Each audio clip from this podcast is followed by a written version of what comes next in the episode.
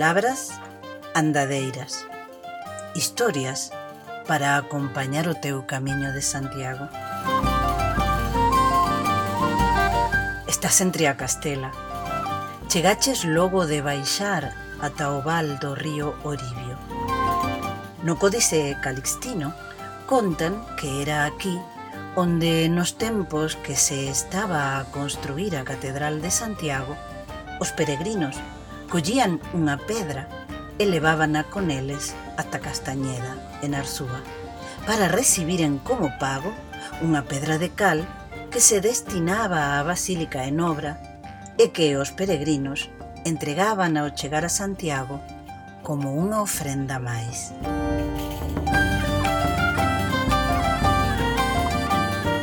A paisaxe que ves. Se elixes ir cara a Samos, coma nós, estes contos viranche moi ben. E se colles o vieiro recto que o autor da guía Liber Sancti Jacobi propón para non dar unha volta, pois tamén que as historias son unha boa compañía e a paisaxe e a arquitectura tradicional que atoparás en calquera dos dous camiños é moi fermosa. A vexetación que domina neste territorio é de tipo atlántico de interior e a súa gran diversidade convérteo nun escenario inigualable para os amantes da natureza. A variada flora provoca espectaculares xogos de cor, cambiantes segundo a estación. Prados, árbores e arbustos compoñen esta paisaxe. Bosques de ribeira, soutos e carballeiras. Entre os arbustos encontramos uces, piornos, xestas e tamén toxos, a planta nacional de Galicia e tamén da Bretaña francesa. A chorima, a súa flor, de brillante color amarela, cobre as ladeiras dos montes como un manto de sol. Dese de sol que moitas veces falta nesta terra. Tense a creenza de que o toxo está todo o ano en flor, pero non é certo. É polas diferentes especies que rosean a distinto tempo. O toxo servía como alimento para o gando, como estrume e tamén para quentar o forno. A parte lignea moi dura valía como combustible nas cociñas de leña e nas lareiras, e tamén para facer os caxatos cos que se xogaba a choca. Unha curiosidade. No segundo libro de Tolkien, As dúas torres, Frodo Bolseiro e Sanguis Ganji son guiados por Smigol, Gollum, de camiño ás minas Morgul ou a Torre da Lúa, entre unha matogueira de toxos moi altos e moi vellos.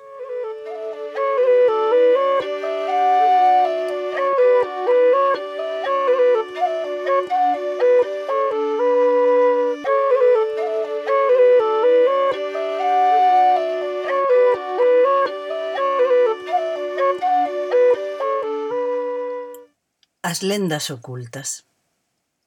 A orixe do topónimo non está clara, aínda que no escudo municipal aparezan tres castelos dos que non hai noticia que houbese nunca polos arredores.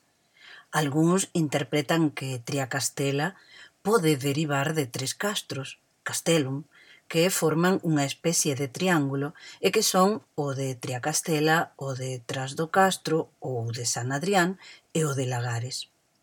A nós Gústanos moito as versións recollidas en Galicia Encantada, versións que son extraídas do xornal escolar do Seip Eduardo Selavila de Triacastela.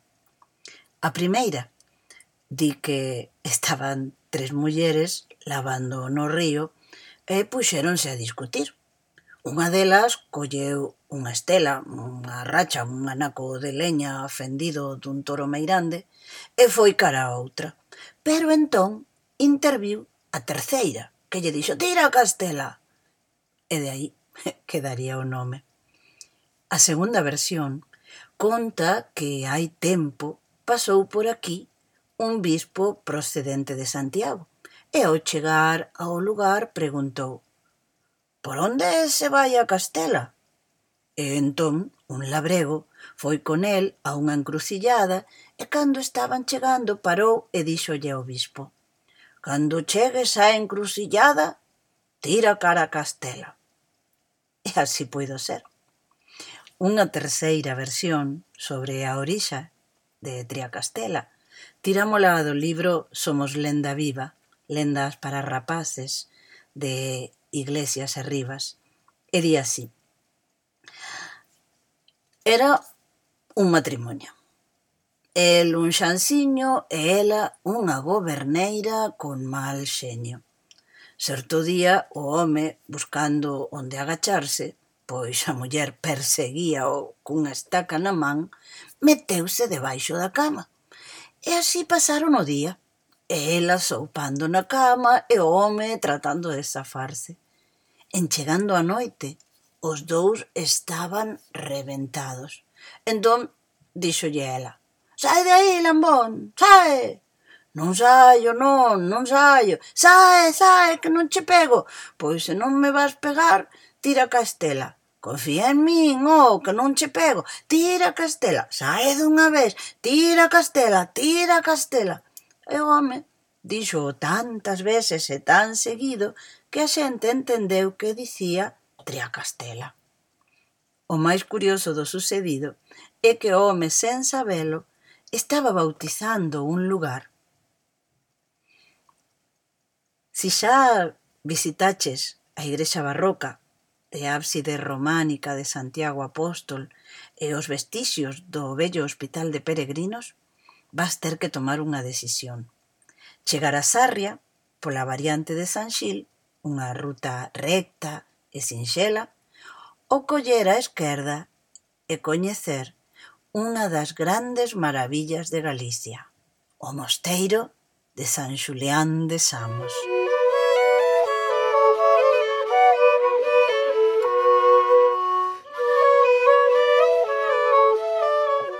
A cultura construída Galicia é un territorio bello, de sempre habitado e con unha historia que se perde no tempo. A pegada que este paso do tempo deixou no territorio galego está presente nas cidades, nas aldeas e no campo, configurando unha realidade territorial complexa na que os asentamentos humanos ocupan soamente o 5,8% da superficie total de Galicia e representan o 50% dos de toda España. A climatoloxía temperada e húmida, en termos xerais, xera unha riqueza paisaxística de primeira orde, que no rural se ve caracterizada polo solo agrícola. Un solo fragmentado e pechado consecuencia da estrutura da propiedade da terra en Galicia, que na actualidade está conformado por 11 millóns de parcelas agrícolas repartidas entre 1,6 millóns de propietarios e cunha superficie media de 0,25 hectáreas por parcela. Un elemento característico que evidencia esta singularidade das terras agrícolas ven definida claramente polos balados ou peches que, coa súa variedade formal e material que responde ao contexto territorial no que se atopan, debuxan como se dunha escritura se tratase a historia que hai detrás. Os balados pétreos construense co material existente no lugar e adoitan ser de granito, de xisto ou mixtos. En liñas xerais en Galicia oriental atópanse solucións en lousa ou pedra de xisto, mentres que na costa occidental os valados de pedra son construídos con granito. Estes peches adoitan ter unha altura menor a un metro, aínda que o carón das vivendas poidan acadar alturas algo maiores. Os valos de granito caracterizan boa parte da paisaxe agraria galega A grande diversidade tipolóxica de valados construídos con granito ten a súa orixe na existencia de múltiples formas de aparición do material no medio e, tamén, na tradición local dos traballos da pedra. Os muros de cachotería son os valados de pedra máis abundantes e esténdense por case todo o territorio galego Segundo a natureza da rocha, pódense atopar superpostos, cachotes ou perpiaños. E, segundo a súa morfoloxía, pesas planas, vastas ou cantos rodados. Trátase, en xeral, de construccións de alta calidade tanto material como compositiva onde as pedras colocadas en seco conforman balados de entre 40 e 120 centímetros. Oxe, Este tipo de valados de construción tradicional, de xunta seca, atópanse protexidos pola Lei do Patrimonio. A Consellería de Cultura ven de incluir no censo do patrimonio cultural a técnica tradicional da construcción coa pedra en seco como manifestación do patrimonio cultural inmaterial. A técnica da construción coa pedra en seco conforma un dos exemplos de técnicas, coñecementos e usos máis relevantes da forma de vida tradicional e da relación das comunidades co medio para a creación da súa paisaxe. O coñecemento do material, o desenvolvemento dos procesos axeitados para a súa selección e transporte e a habilidade para a construción de estruturas estables e permanentes posúen unhas características propias e recoñecibles, ademais de posuír unha beleza estética propia. Ao longo do camiño podes comprobar a rica diversidade de balados do país. Disfruta dela.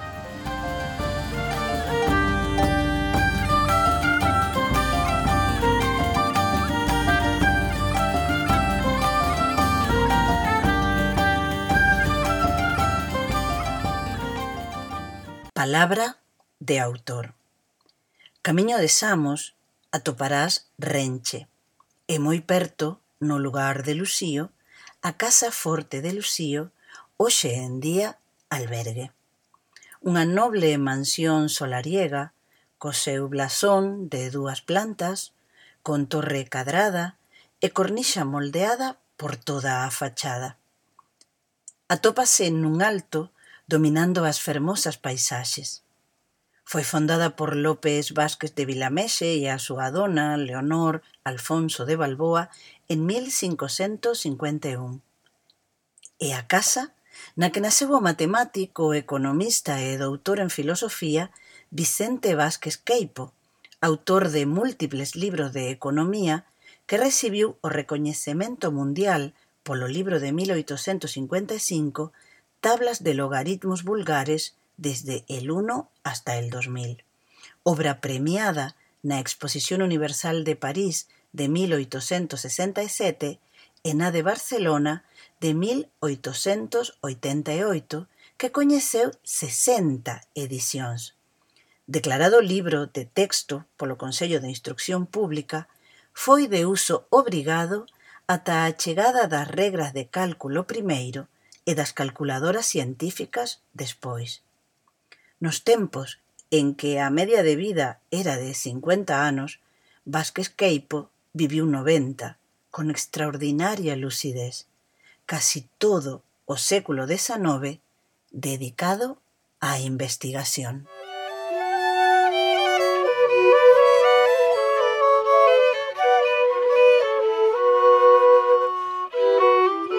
a Mesa do Camiño.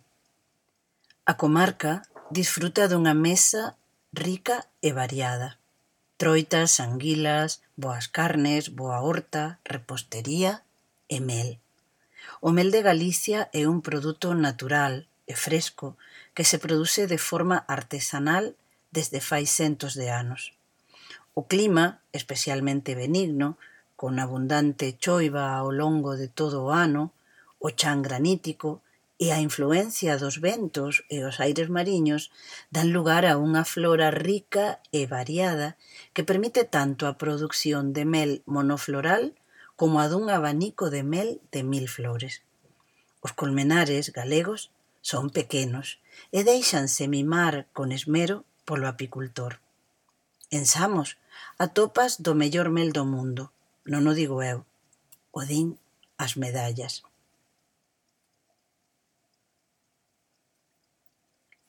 Fai algún tempo, realizando un libro sobre os doses monacais, fixen unha foto que lembro pola luz.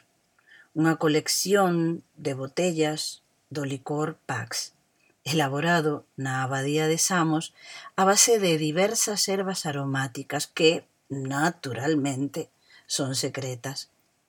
Foi o principal reclamo gastronómico do mosteiro, o licor Pax, ata que cesou a súa elaboración a mediados da década dos 90, despois de séculos de elaboración.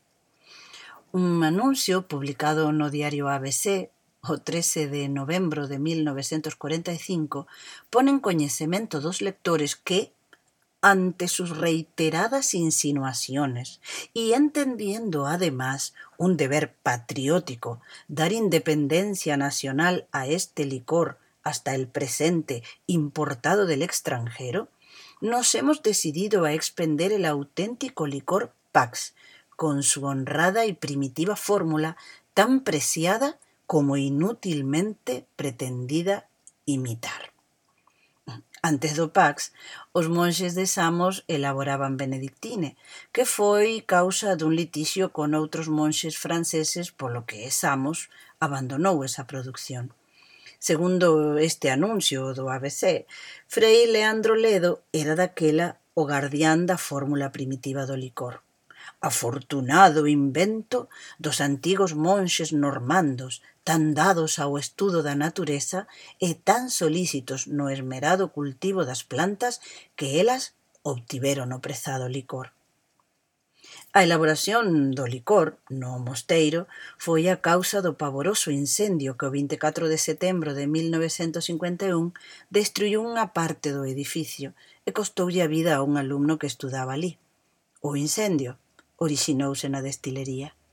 Pero en Samos, e baixo a marca Pax, non só se elaborou o licor de erva, senón tamén anís, xenebra e brandy. Agora a Abadía, a través dunha empresa con participación privada, recupera o licor Pax e probablemente tamén a Xenebra con esa marca. Por outra banda, a tenda do Mosteiro ten a venda chocolates que son elaborados por unha empresa allea, aínda que coa fórmula monacal. Ao mesmo tempo, Está en probas a elaboración de marmeladas e confeituras de froitas baseadas fundamentalmente nas producidas no propio mosteiro ou as silvestres colleitadas, como as amoras, aínda que para algunhas especialidades empregan froitas compradas, amorodos, améndoas, así como unha exclusiva marmelada de pétalos de rosa elaborada coas rosas cultivadas nos claustros do mosteiro.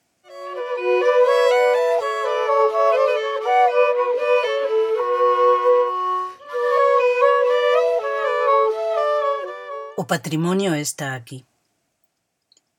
A orixe do mosteiro de Samos remóntase á época soeva, atribuíndose a súa fundación a San Martiño de Dumio ou a algún dos seus discípulos. Coa chegada dos árabes foi abandonado e posteriormente sería o rei Alfonso II o Casto quen lle otorgase a protección real, comezando desta forma a súa expansión e crecemento. Desde o ano 960, a comunidade viviu baixo a regra de San Bieito, adoptando a mediados do século XII os usos e costumes da reforma cluniacense. O tombo de Samos, códice escrito en pergamiño de finais do século XII, é o documento literario máis importante que chegou ata hoxe en día dos antigos monxes samonenses. O mosteiro de Samos Gozou de grande importancia durante a Idade Media, o que se reflicte nun crecemento espectacular do patrimonio monacal. Posuía 200 vilas e 500 lugares. A finais do século XV introdúcese a reforma valisoletana en Samos. Entre os anos 1533 e 34, o mosteiro sufriu un importante incendio que afectou a unha gran parte do edificio e o máis importante, queimou as escrituras que acreditaba no título de propiedade das numerosas leiras que posuía. Durante os séculos XVII e XVIII procedeuse a reconstruir novamente, con novos claustros, novas dependencias, igrexa e sacristía. Todo iso en estilo barroco. Na abadía, hoxe, pódense apreciar tres estilos arquitectónicos, gótico tardío, renacentista e barroco. O apoxeo cultural e económico do Mosteiro de Samos chegou no século XVIII, destacando dous grandes monxes nese período, o padre Feijó e o padre Antonio Sarmiento de Sotomayor. A comunidade foi exclaustrada no ano 1836 debido á desamortización de Mendizábal pero os monxes beneditinos regresaron en 1880. A comezos da década de 1940, entre as numerosas melloras que se realizaron no mosteiro, instalouse na planta baixa do claustro grande unha fábrica de licor beneditino, marca Pax, pero quedou totalmente destruída polo incendio de 1951 que tivo a súa orixe nesa fábrica e que deixou o conxunto reducido a cinzas case totalmente. Tras ese incendio, o mosteiro foi novamente reconstruído. A abadía tamén tivo un couto marítimo no Grove que a fornecía de peixe e os seus monxes foron os primeiros en degustar o chocolate chegado de América non podía ser doutro xeito, no lugar no que, segundo Cunqueiro, se inventou o lacontrofado, e no que, na pequena comunidade monástica, aínda debe existir un certo gusto gastronómico. A visita ao interior do mosteiro permite coñecer a maravilla da botica, restaurada e presentada con tratados, ervas e receitas centenarias e, por suposto, os claustros. Nos grandes mosteiros galegos hai sempre un detalle arquitectónico lúdico, divertido e un tanto irreverente que non chegamos a comprender en toda a súa totalidade hoxe en día. Este detalle formaría parte indispensable do proxecto de edificación destas grandes abadías como contrapunto a outras solemnidades arquitectónicas e simbólicas. Aínda que o pai Benito Xerónimo Feijó, ordenado nesta abadía, non fai alusión directa ás Nereidas de Samos, o discurso sétimo do tomo sexto do seu teatro crítico chamado Sátiros, Tritóns e Nereidas parece directamente escrito con elas no maxín. Cunqueiro, nas crónicas do Camiño de Santiago, recompiladas en El pasajero en Galicia, entretense ao chegar a Samos na súa visión e esténdelles unha das súas glosas a estas damas gregas de longa cola. Para o mindoniense, estas nereidas subirían peregrinando polo Ulla e o Sar e, tras a aperta ao apóstolo, seguirían remontando ríos polo interior do país. Cabanillas, que gustou moito do mosteiro cando se retirou, chegoulles a dedicar tamén un fervente poema. Que tiñan estas nereidas que excitaban tanto o maxín dos nosos literatos? Un primeiro exame das nereidas xa dá que pensar. As nereidas o que teñen é unhas prominentes tetas case siliconadas coas que chocas ao mirar o patio desde calquera parte do claustro. Así, a todo, os voluminosos peitos están rodeados dun desconcertante corpo máis de lamprea que de atractiva raza mitolóxica. Un non pode deixar de meterse na cabeza dos nosos próceres e que che dea a risa Serían nos peitos das nereidas o que máis lles fascinara da fonte, malia non apareceren expresamente nos seus textos? ¿Hm? Apostaría algo a que sí. Unha segunda mirada, máis pausada, a estas lampreas, pois descobre que as nereidas de Samos non son tan alien como parecen. Despois de todo, As cabezas e as longas e onduladas melenas están debaixo da fonte superior, e ese horroroso bicho dulcifícase algo máis e cobra un sentido máis amable. Imagino o bode don Ramón Cabanillas, cun caxato na man, admirando a arte voluptuosa nos serán solitarios do mosteiro antes de véspera a Cunqueiro, por suposto, cun sorriso pícaro disimulado e un mirar diplomático de esguello, mentres pasea co prior e mesmo o adolescente Feijó, deixando escapar unha imaginación fervente. Malia ter composto algúns dos mellores e racionalistas textos da ilustración do Reino de España, no seu discurso sobre as Nereidas, fai certas concesións á fantasía. Sería unha concesión en realidade a súa adolescencia? Creo que Samos é un lugar no que poden soltar vos, eu, calquera que visita, unha desas risas contidas, que era o máximo ao que en algunhas épocas severas podía aspirar un monxe. Como se esa palmeira estivese aí sempre xogando cos arcos, provocando ese sorriso suave coas súas similares xeometrías. Eu creo que alguén sabía o que facía aí dentro.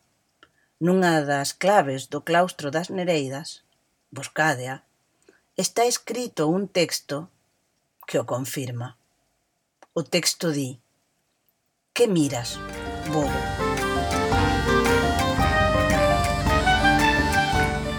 Xa no exterior, antes de deixar Samos, pódese visitar a pequena capela de estilo prerrománico levantada entre os séculos IX e X, a capela de San Salvador ou do Ciprés, como a coñece a xente, unha árbore milenaria que figura no catálogo das árbores senlleiras de Galicia.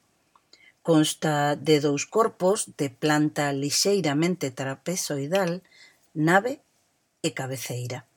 Está construída en cachotería de lousa con cuberta a dúas augas tamén de lousa. Dispón dunha única porta no muro sur da que destaca o arco de ferradura realizado con laxas de lousa en posición de doelas e de dúas pequenas ventás, unha na fachada principal de dobre arco e columna intermedia da que desapareceu a columna do parteluz e outra na posterior. No interior destaca o arco triunfal, elíptico, con lixeira tendencia á ferradura, e destacan as pinturas murais ao fresco de influencia astur.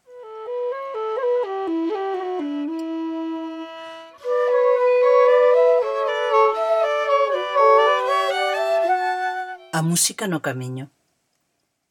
Para rematarmos esta etapa do camiño, Que mellor que viaxar no tempo da man da lírica de Martín de Padroselos, considerado o primeiro trovador galaico portugués que naceu moi cerca de Samos, na aldea chamada hoxe Praduselo, na parroquia de San Xoán de Lousara. En Praduselo consérvase aínda unha antiga casa chamada precisamente Casa de Martín, que conserva algunha parte de posible orixe medieval. Segundo Xulio Pardo de Neira, no seu ensaio sobre o trovador, ata o de agora constitúe a figura do primeiro escritor coñecido en lingua galega, autor de nove cantigas de amigo e unha de amor, que nos informa da visosidade literaria dunha nación que, como a Galiza de comezos do século XII, xa se tiña incorporado cunha calidade destacable ao roteiro do lirismo provenzal. Gozade desta fermosa peza interpretada polo histórico grupo Akenya, lendaria banda de folk e de música tradicional galega.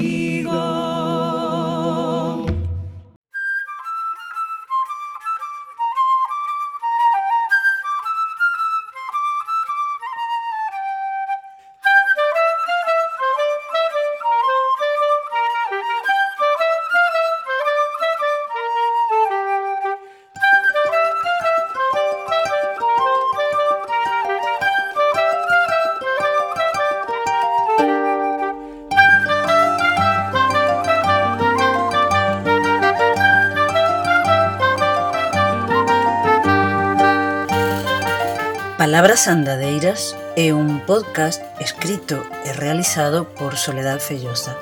Sintonía, Manolo Panforreteiro, Xógara e Chachuca. Obra realizada ao abeiro do Fondo de Proxectos Culturais Xacobeo 2021 da Xunta de Galicia.